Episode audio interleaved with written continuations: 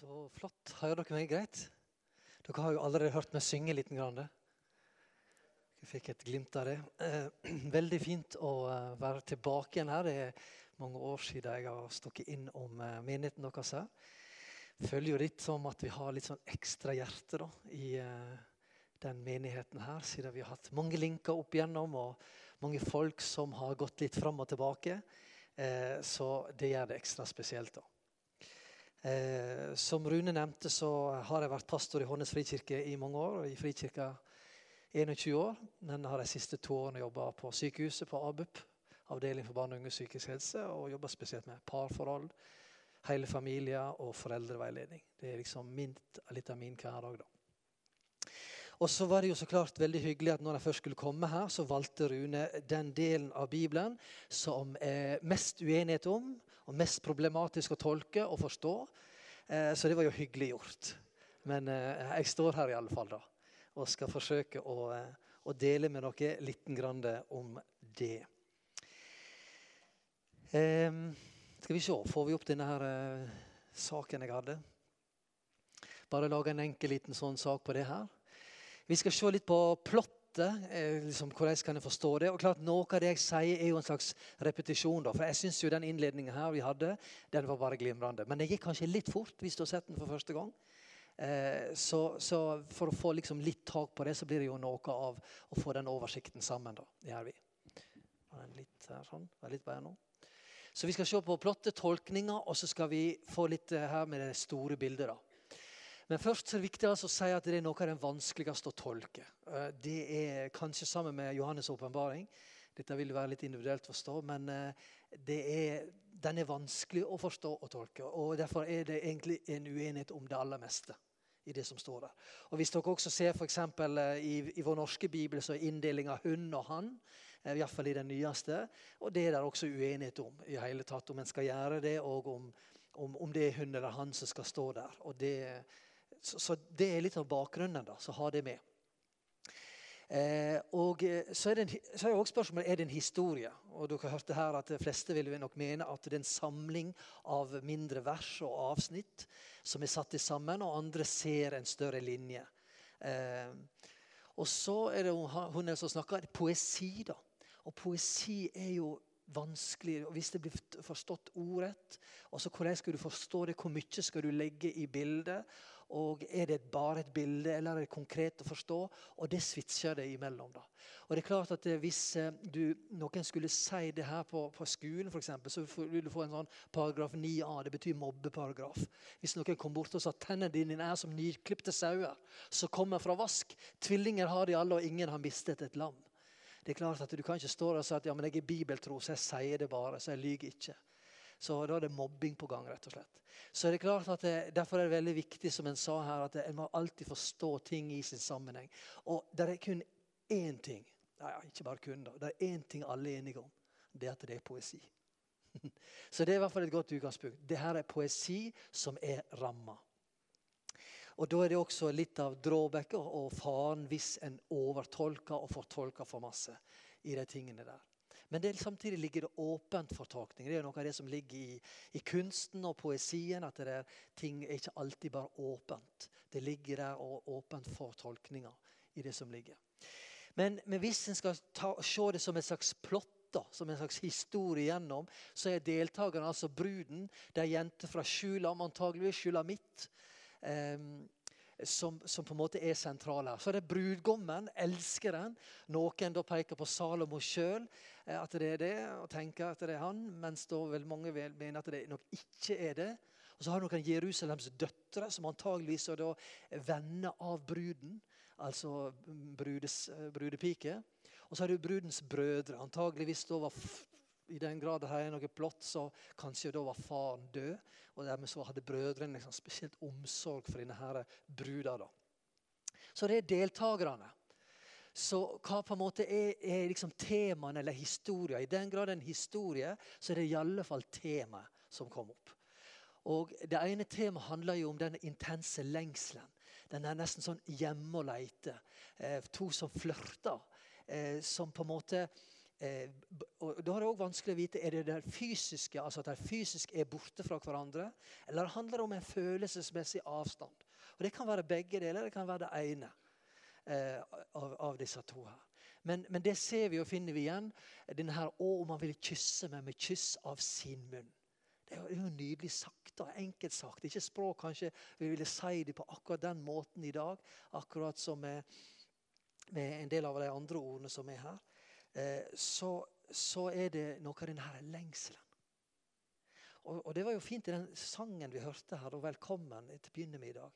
Eh, velkommen, sa vi. Velkommen også du med lengsel. Og én ting jeg er sikker på, som vi har likt som mennesker, det er lengsel. Vi har en utrolig lengsel. Vi lengter etter noe. Eh, og så kan du jo sette ord på det på forskjellig vis. Eh, men vi har en lengsel etter mening, en lengsel etter kjærlighet, en lengsel etter å bli forstått, en lengsel etter å bli sett. Det ligger noen sånn grunnleggende menneskelige behov som jeg tror Gud har satt inn. da. Så vakker du er, min elskede, så vakker du er, øynene dine er duer. Jeg vet ikke om du som er gift, har sagt det. Eller du har sagt det til dine barn, du som er barn. Eh, det går an å si til, til venner også at 'jeg syns du er vakker'. Eh, det er ikke ord vi fleste av oss sprer oss om hele tida. Men poenget er at her er en sånn eh, det er et sånn fram og tilbake, hvor hun sier noe til han, og han sier noe til hun. Og så uttrykker de kjærligheten på en fantastisk måte når du leser gjennom Salomos høysang. Eh, kapittel 5 har en sånn voldsom skildring av hverandre som det går an å lese om. Hvor en bekrefter det en ser i den andre. Eh, og En oppmuntrer og en heier. Og det kom ut fra en sånn lengsel etter å være nær den andre. Så har du bryllupet, da. Det er gleden av det seksuelle tiltrekninga.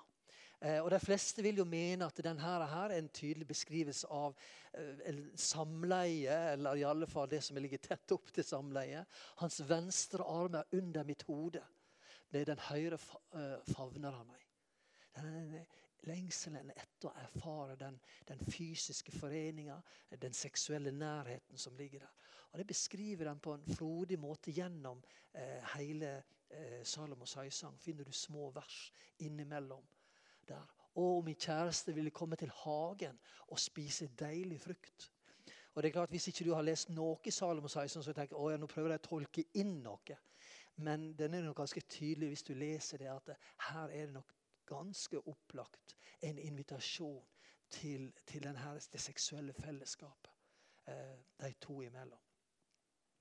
Så det er noe av eh, det andre hovedtemaet som går igjen i Salomos høyensang. Og så har du ekteskapet, eh, kjærligheten. Så ser du at det, det også er det omstridt. Er det, er det faktisk det? Er det ekteskapet? Eller er det mer en sånn open ending som var innom? Eh, mens andre vil lese inn i at her, her er de blitt forena, og her beskriver de kjærligheten. da. Eh, den forsvant eh, den nederste linja her. Men sett meg som et segl på ditt hjerte. Et stempel på din arm, for kjærligheten er sterk som døden. Lidenskapen er ubøyelig som dødsriket. Den brenner som en flammende ild, en Herrens brann. Veldig vann slukker ikke kjærligheten. Elver skyller den ikke bort. Og når noen gir alt han eier for å kjøpe kjærligheten, møter han bare forakt. Det er noe av denne kjærligheten, den, den dype, den uutslokkelige, eh, som, som, beskrives. Så er det sånn en enkel oversikt av noe av det som noen mener eh, skjer her. Eh, så det første som vi så, da, at hvordan går det an å forstå det her? Jo, Det går an å forstå det som det er ren poesi, og det er rent snevert forstå. Det, er, det, handler om sensualitet og seksualitet, og det handler om flørting og kanskje et, et, et, et ekteskap, samliv her til slutt, som det ender ut i. Sånn går det an å forstå. Ehm, det er en måte. En annen måte som har altså vært veldig vanlig, det er en billedlig eller allegorisk tolkning. Eh, og Paulus snakker jo om det her med bildet av, av um, brud og brudgom som, som Jesus, som er, som er, brudgommen og menigheten i brura i kapittel 5. Og så har det gitt inspirasjon til den kristne kirke. Men også i Gamle testamentet så brukes det bildet. På israelsfolket, som vi så. Eh, det bildet med at Gud han er som en brud, eh, brudgom. Og israelfolket er som en brud. Og så beskriver det en relasjonsperspektiv. Eh, og det som i hvert fall er veldig tydelig da, at Bibelen, For å beskrive vårt forhold til Gud så bruker den mange bilder. Og Mange av dere vil kjenne til at det snakkes om eh, greinene og vintreet. ikke sant? Da bruker jeg bildet om at Gud er som et sånn Nå har ikke den, grei, har ikke den en stamme akkurat og et vintre, men, men, vi blir i hvert fall poda inn. på en måte. Og akkurat som, som, som vi trenger, eh, grein trenger å være på treet, hvis ikke dør det, så trenger vi ha, som, som kristne å ha, kontakt med Gud. Så Det er en måte å beskrive det på. Når vi snakker om Guds barn, da beskriver jeg bildet med, med Gud som en god far. ikke sant? Og at vi er hans barn. Og så, og så er han som en perfekt pappa som elsker oss, som er trygg og som er god, som er tydelig og setter grenser, som ikke er ettergivende, som lager rammer for livet vårt fordi han elsker oss. Og, og vi får lov å, å, å få alt det vi trenger hos ham. Et helt annet bilde er at, at eh, Jesus han er som en, som en, mester, og vi er disipler av han. Og så får vi alltid leve et sånt læringsforhold til han. Alle dette her er bilder som er sanne og rette som Bibelen beskriver. Det forteller litt at, at vårt forhold til Gud beskrives på så mange, mange måter. Et, dagens bilde handler jo nettopp om det her med at eh, det går an å forstå vårt forhold til Gud som at vi er også ikke bare kirka, selv om det primært er kirka, men du og jeg som enkeltpersoner. Så, så, er det noe med at vårt forhold til Gud Gud tenkte at det være, at bildet mellom mann og kvinne var noe av det bildet nemlig kjærlighetsforhold. Og Da utfordrer det f.eks. når vi snakker om barnetru. For eksempel, så kan det utfordre litt av det. Noen tenker barnetru. Ja, jeg har en barnetru. Noe som var der når jeg var en liten gutt eller en liten jente. Og så, og så går jeg til gudstjeneste av og til, og så er det et eller annet der. Mens, mens det her andre bildet, brud og brudgom, utfordrer det. Det er fordi at Brud og brudgom-bildet handler jo noe om lidenskapen. Det handler ikke om noe om en avstand.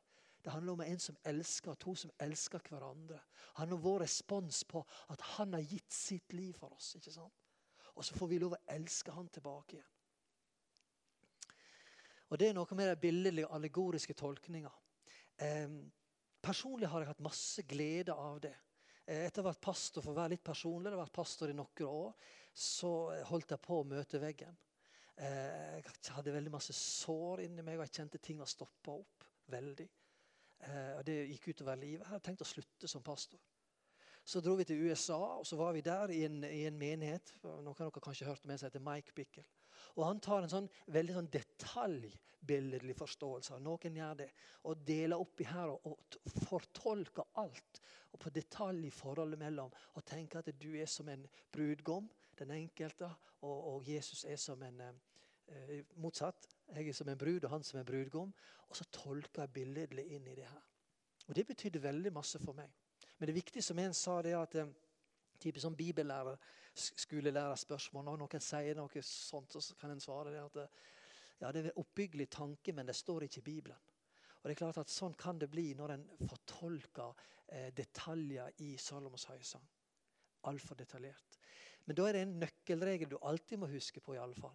Det er at du Tolk aldri noe inn i den som ikke du finner dekning for i resten andre plasser i Bibelen.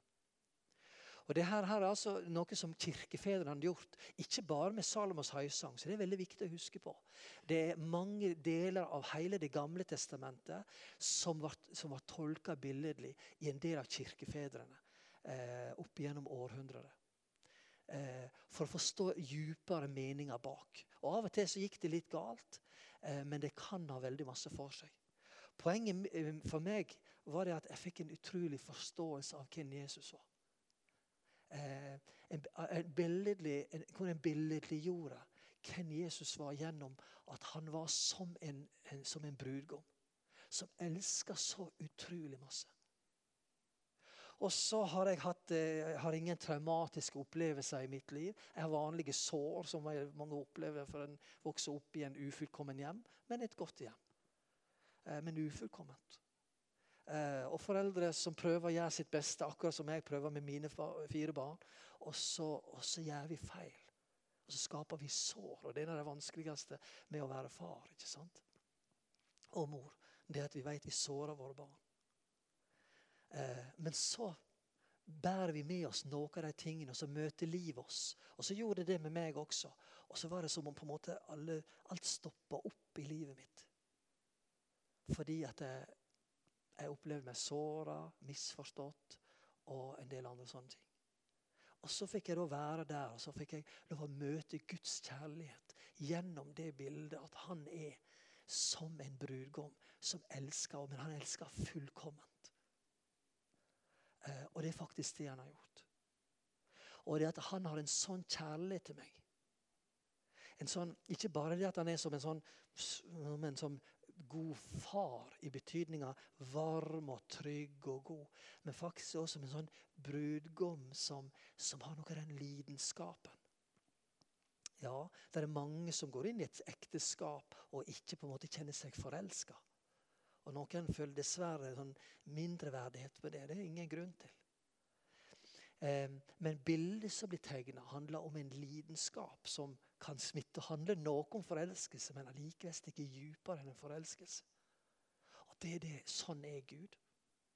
Og så er det noe av bildet som det går an å forstå Salomos høysang som en beskrivelse av Guds kjærlighet.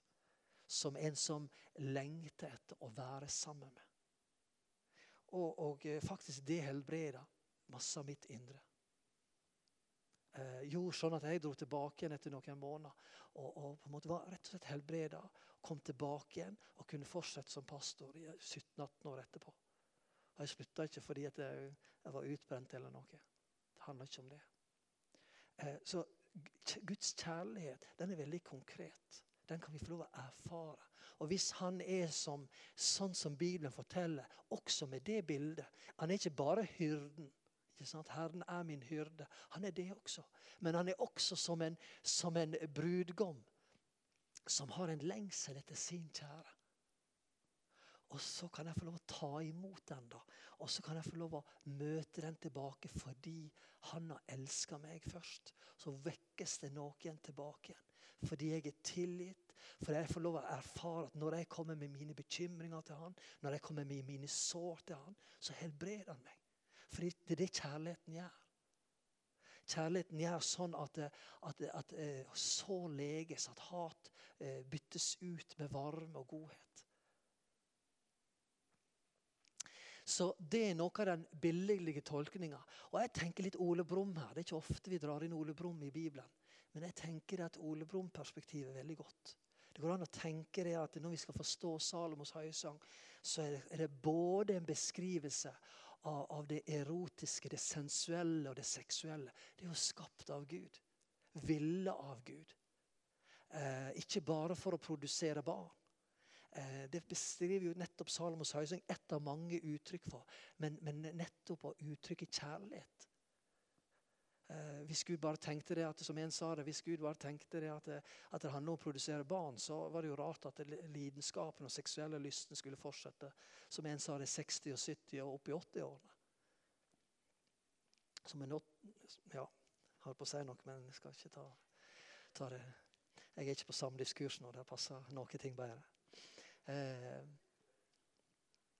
men, men, det er jo noe av lidenskapen. da, og, og Paulus snakker om at, at, at tanken er at, at, at kirka også er nettopp sånn som er brudgom. Som gir gjensvar til brudens kjærlighet, og som, som møter hverandre. Og så sier han at sånn er Jesus.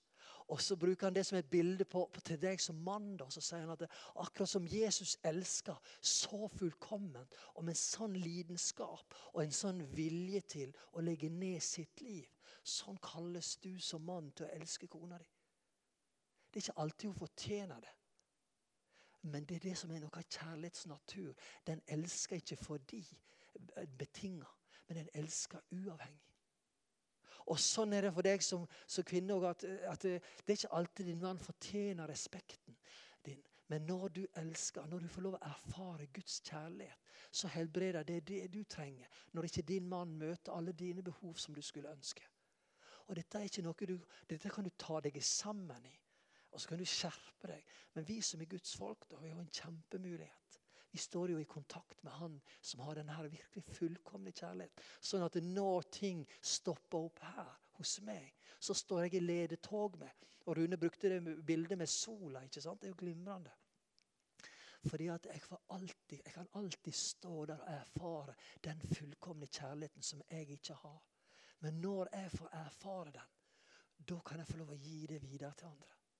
Men når det stopper opp, og jeg ikke føler meg møtt av, av, av mine behov av den andre, jeg føler ikke meg sett på sånn vis, og så kommer såret inn, og så mistillit kommer inn, og så begynner det å skurre, og så begynner avstanden å komme, og så begynner det å leke 'gjett hvorfor jeg er sur'-leiken. Jeg vet ikke om dere kjenner den til.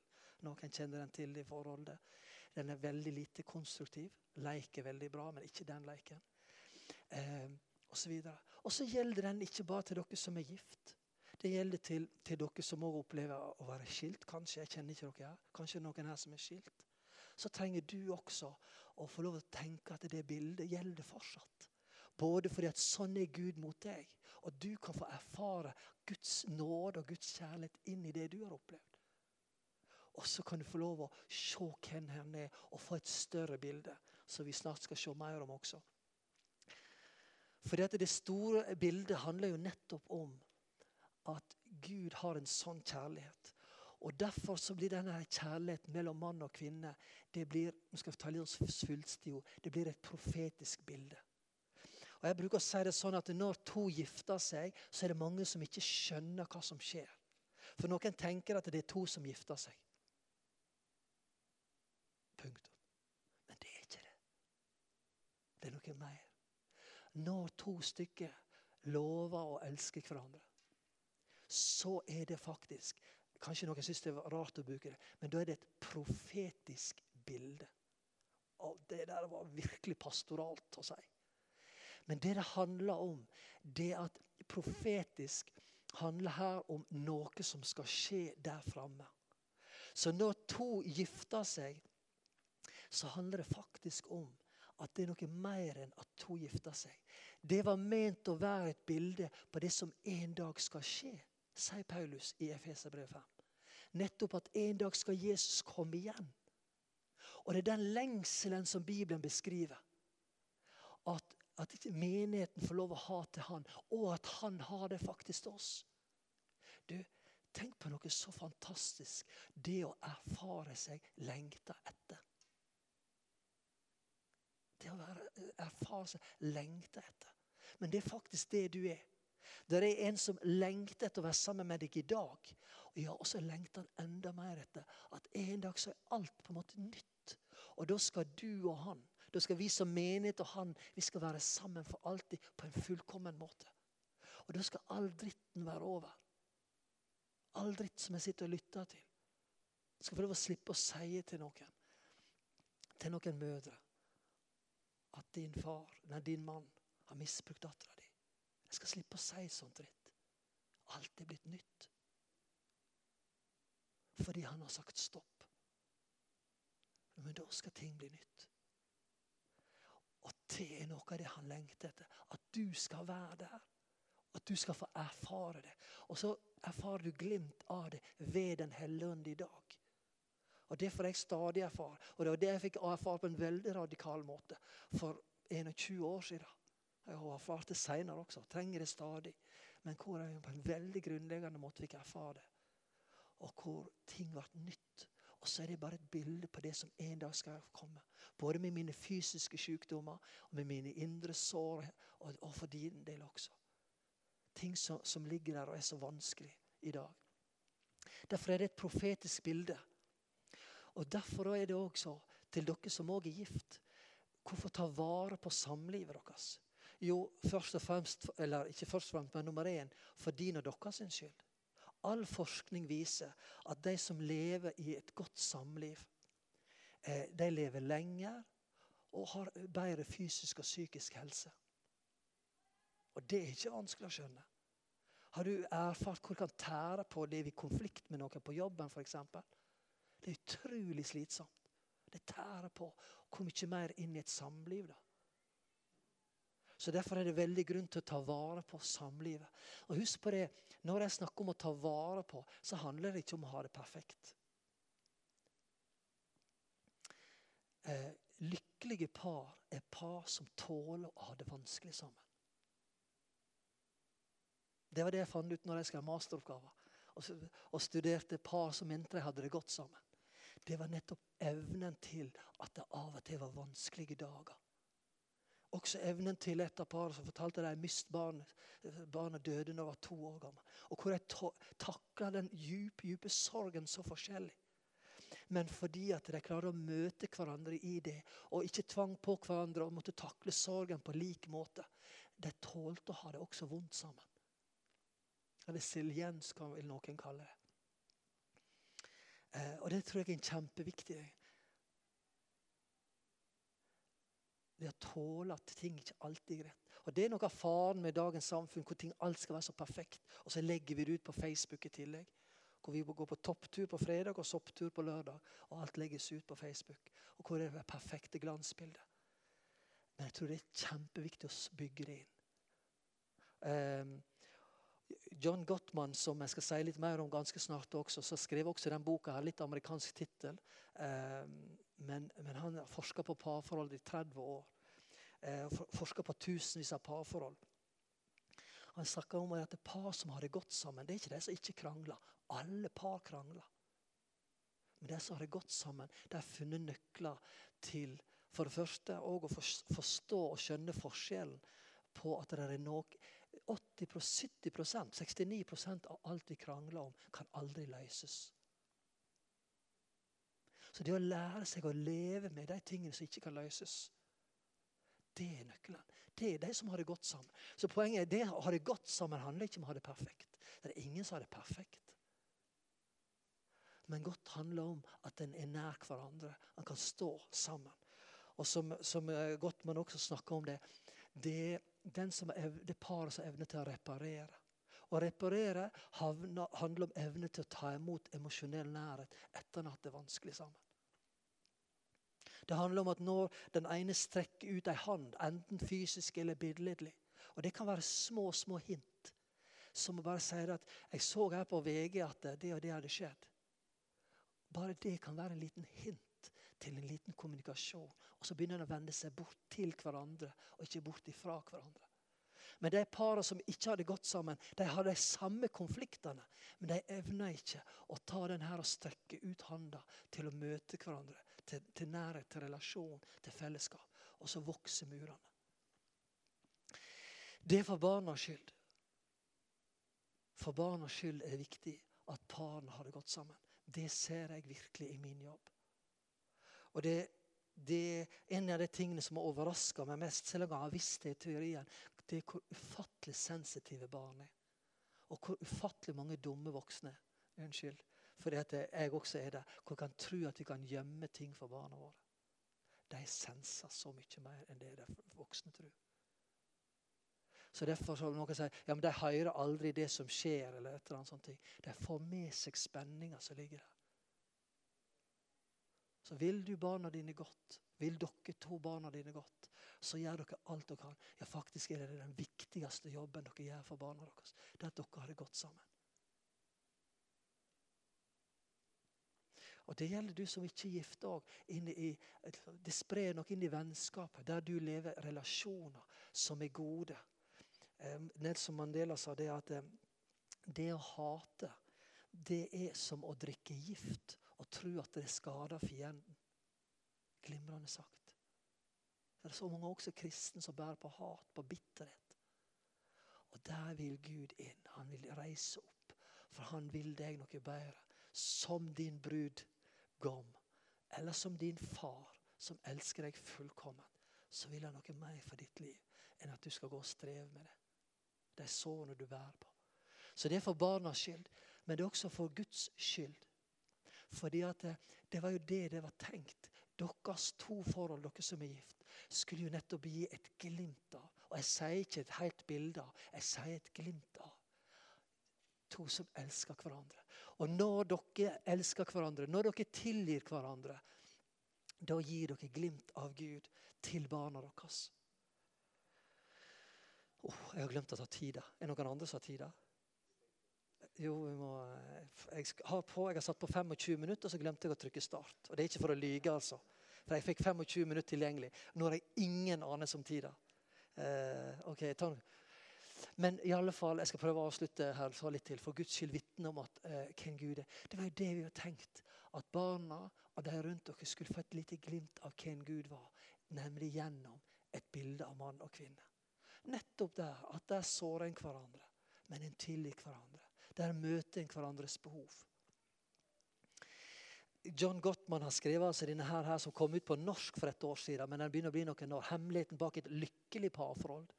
Um, så hvis du, bytter, hvis du syns lykkelig blir litt for amerikansk, da, så kan du svare et godt samliv.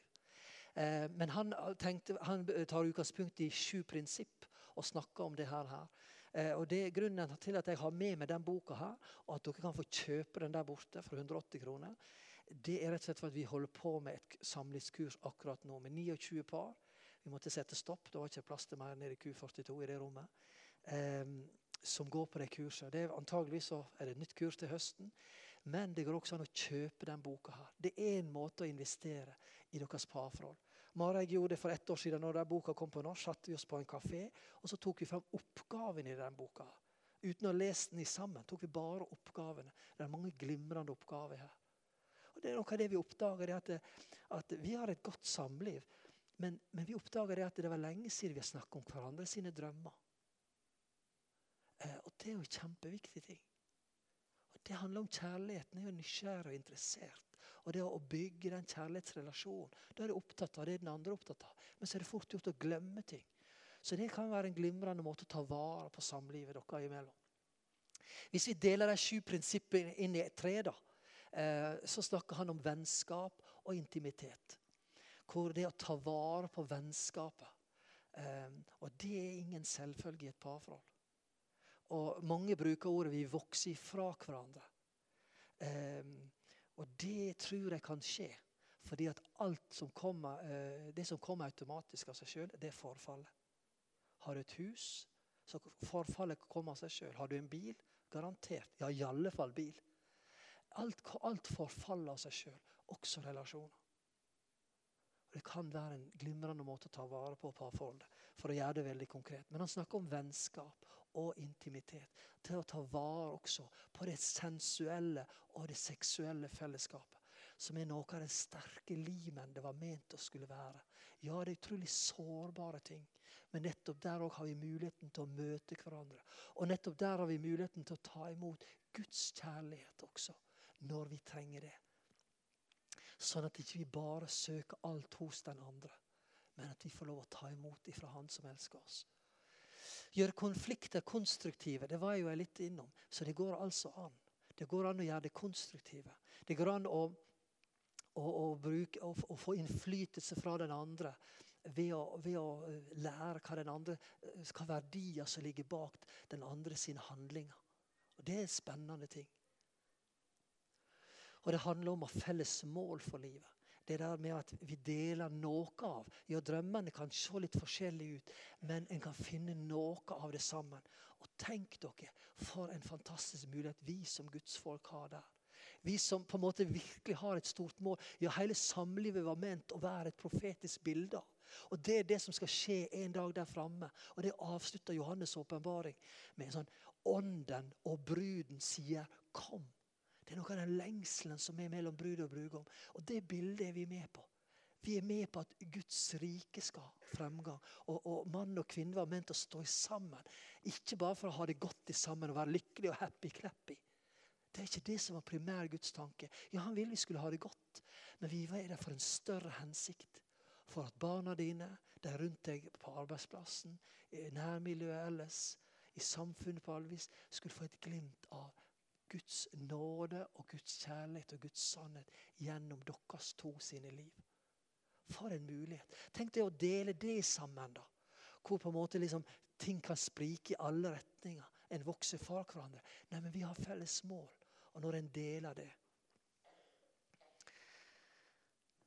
Så og her er noen av, Vi skal ikke gå inn på det, men her er typiske tegn på er det så signal på at ting begynner å bli vanskelig. Det er når en fort går i kritikk, en går i selvforsvar, der det er forakt og barrikadering. Det betyr at en snur seg bort ifra hverandre. Det er typisk sånn her tegn snakker John Gottman, John Gottman om.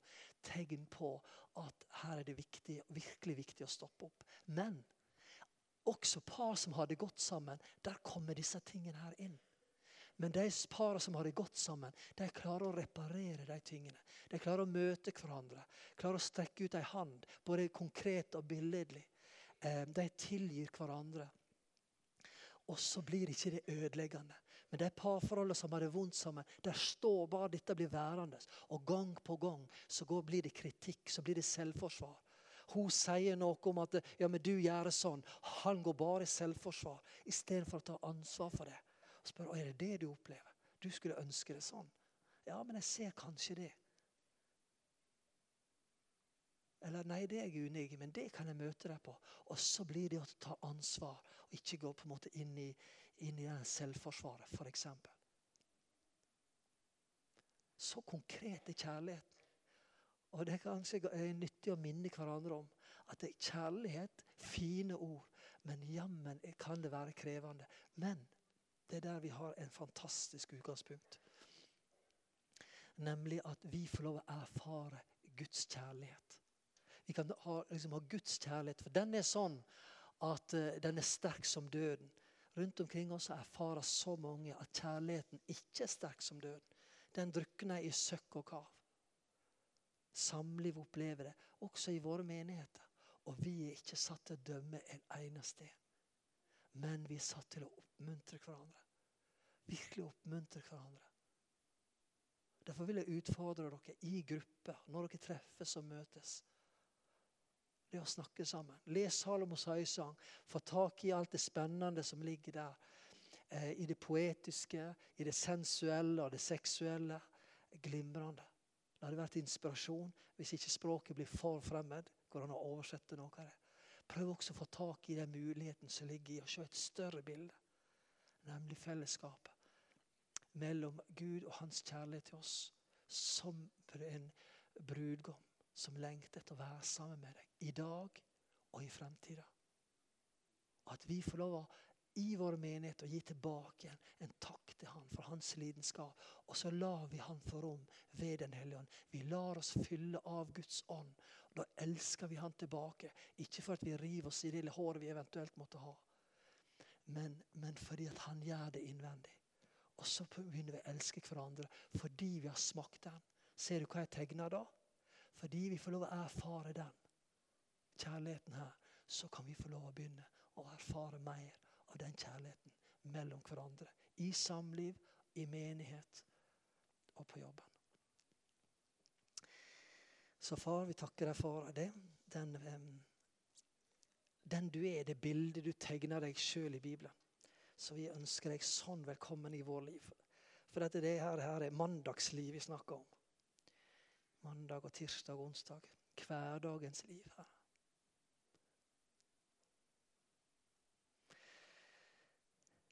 Her er jeg overbevist om, jeg fikk en tanke her før jeg, når jeg forberedte meg. og det er at Jeg har bare lyst til å si det at jeg